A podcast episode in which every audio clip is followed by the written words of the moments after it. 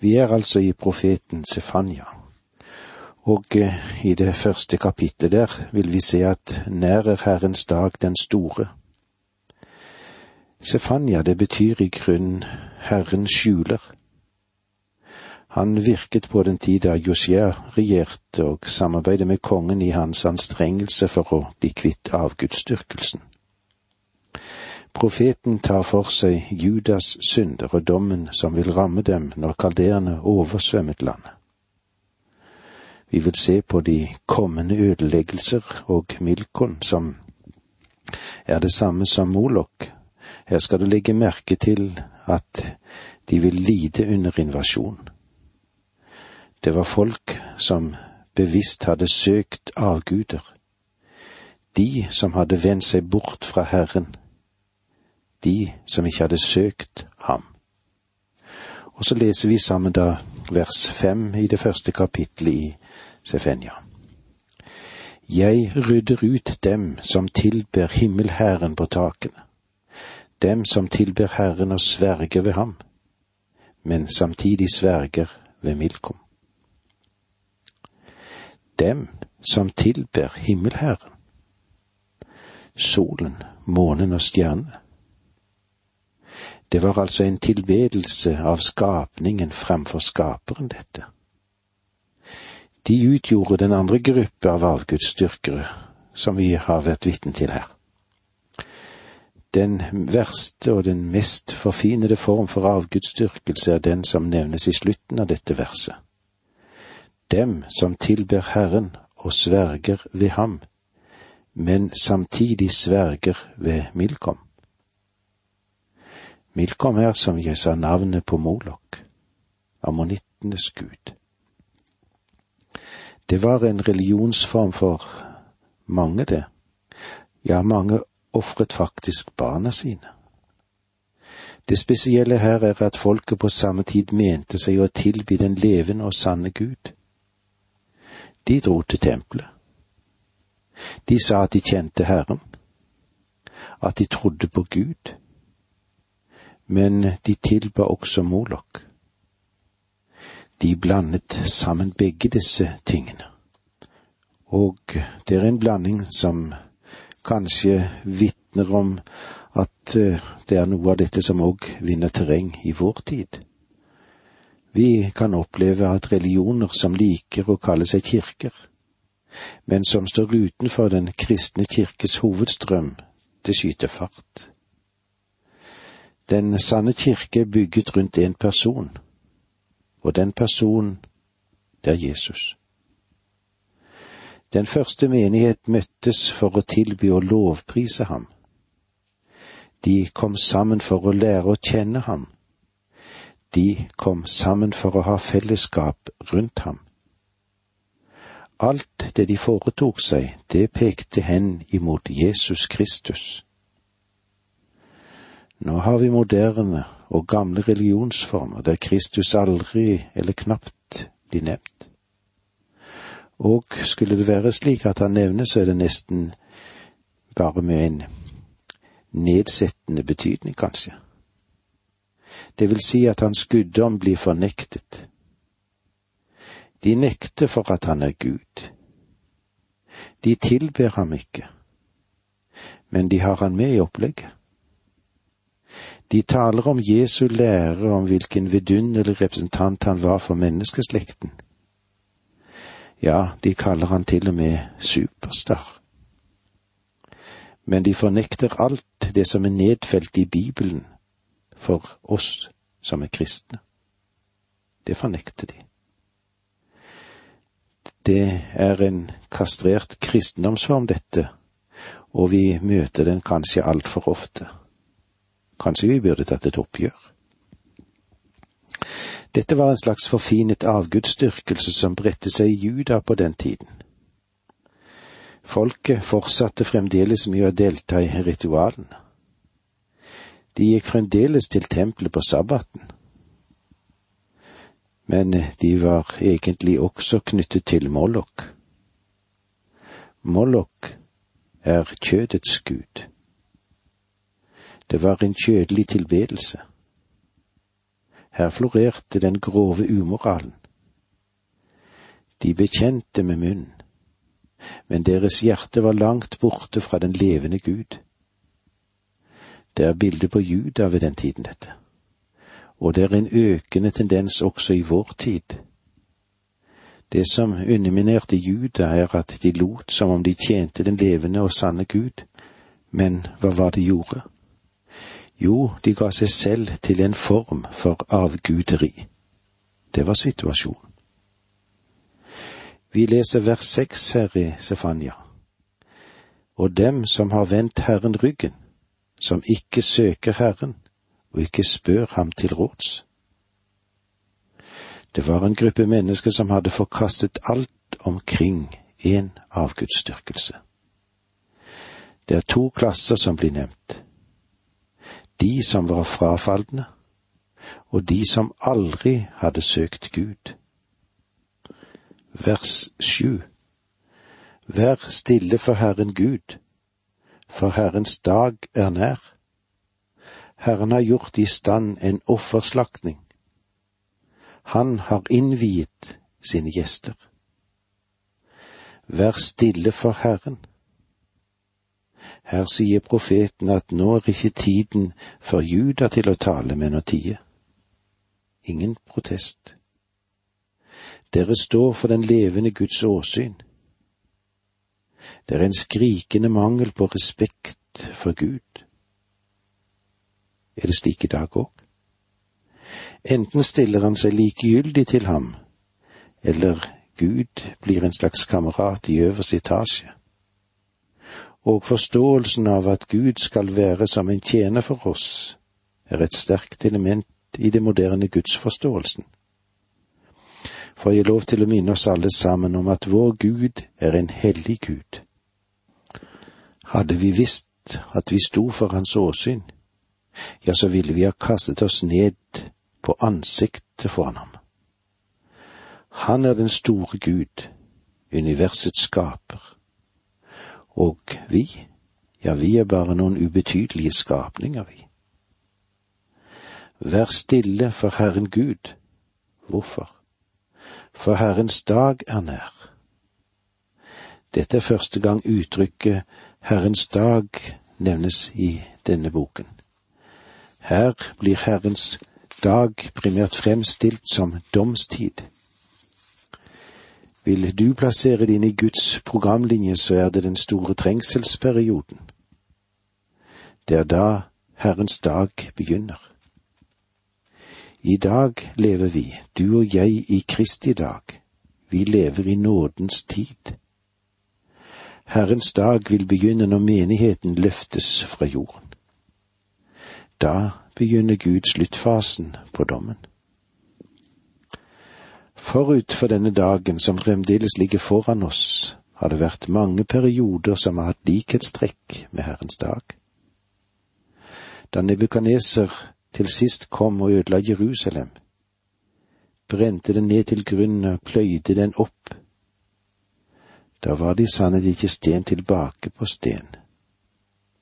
Det var en slik trengselsperiode en hard trengselsperiode.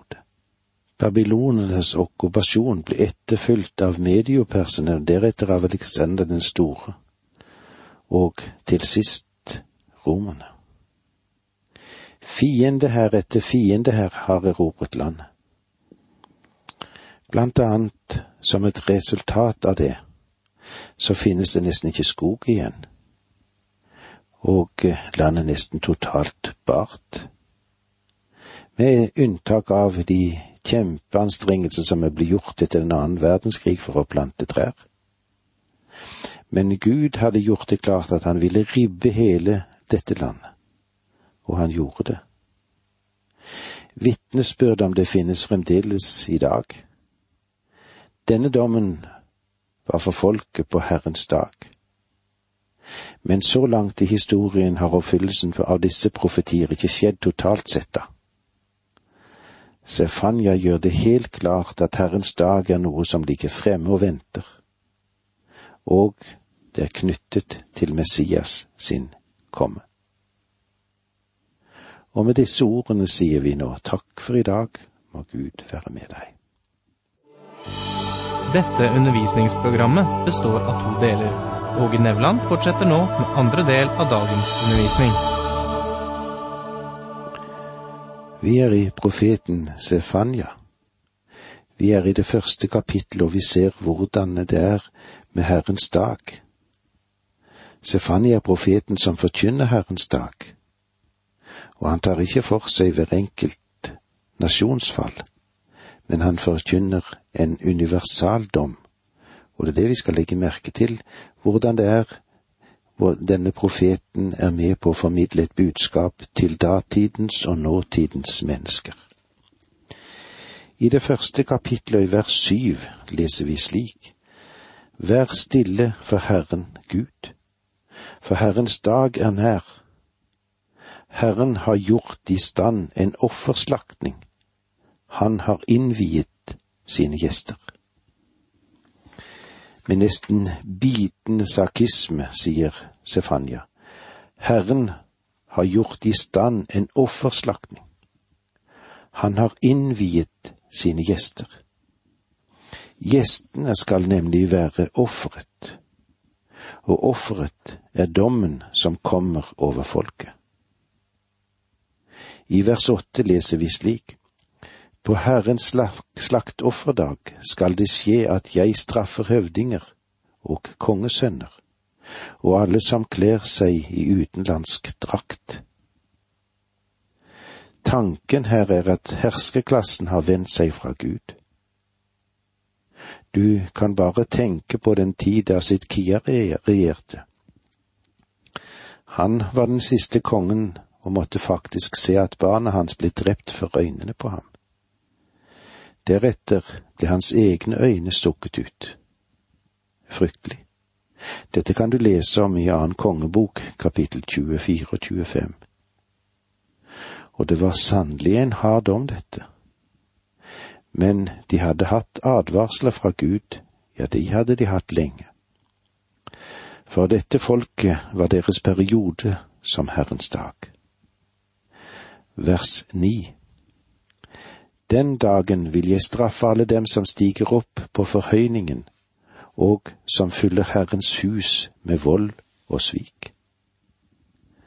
Her peker Sefenja på det store spenningsforholdet som finnes mellom avgudsdyrkelse og det som burde prege dem som går til tempelet. I baldyrkelsen, der lå den i identifikasjon med guddommen ved det å berøre offentlig oppsatte gudebilder. Det betydde en identifikasjon med alt det forferdelige som dyrkelsen av Bal og Molok innebar. Denne mangel på etisk holdning og rettferd preget også jødene når de kom til tempelet. De tilba Herren for syns skyld. Men det var volden og sviktet av avgudsdyrkelsen som var det som preget dem. Gud sier til sitt folk at han vil dømme dem for dette. Vers ti. Den dagen lyder ordet fra Herren, skal ikke høre skrik fra fiskeporten og jammer fra nybyen, et kraftig brak fra haugene. Den dagen, den dagen, dette er en klar henvisning til Herrens dag skal det høres skrik fra fiskeporten. Det som her kalles for fiskeporten, er det som i dag er kjent som Damaskusporten.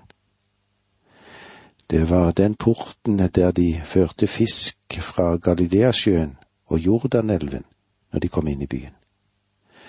Du finner den på nordsiden av muren rundt Jerusalem. Og jammet fra nybyen, et kraftig brak fra haugene. Jerusalem ble utvidet mot vest, og den delen fikk navnet Nybyen. Her bodde de mer fremstående i samfunnet. Men ingen prestisje og ingen sosial høyhet skal kunne kjøpe dem fri fra Herrens dom. I alle deler av Jerusalem var det slik, og byen er forlagt på flere høyder. skal dommen møte dem, og fortvilelsen, den vil bre seg. Vers 11 Hyl, dere som bor i morteren, for hele kremmefolket er tilintetgjort. Utryddet er alle som veide opp sølv. Morteren heter Maktesh på hebraisk. Det var en forsenkning i Jerusalem, der markedsplassen lå. Det kan òg tenkes å ha vært ostehandelens dal. Det var den dalen som gikk langs tempelet der klagemuren i dag er. Hyl, dere som bor i morteren. For hele kremmefolket er tilintetgjort. Utryddet er alle som veide opp sølv.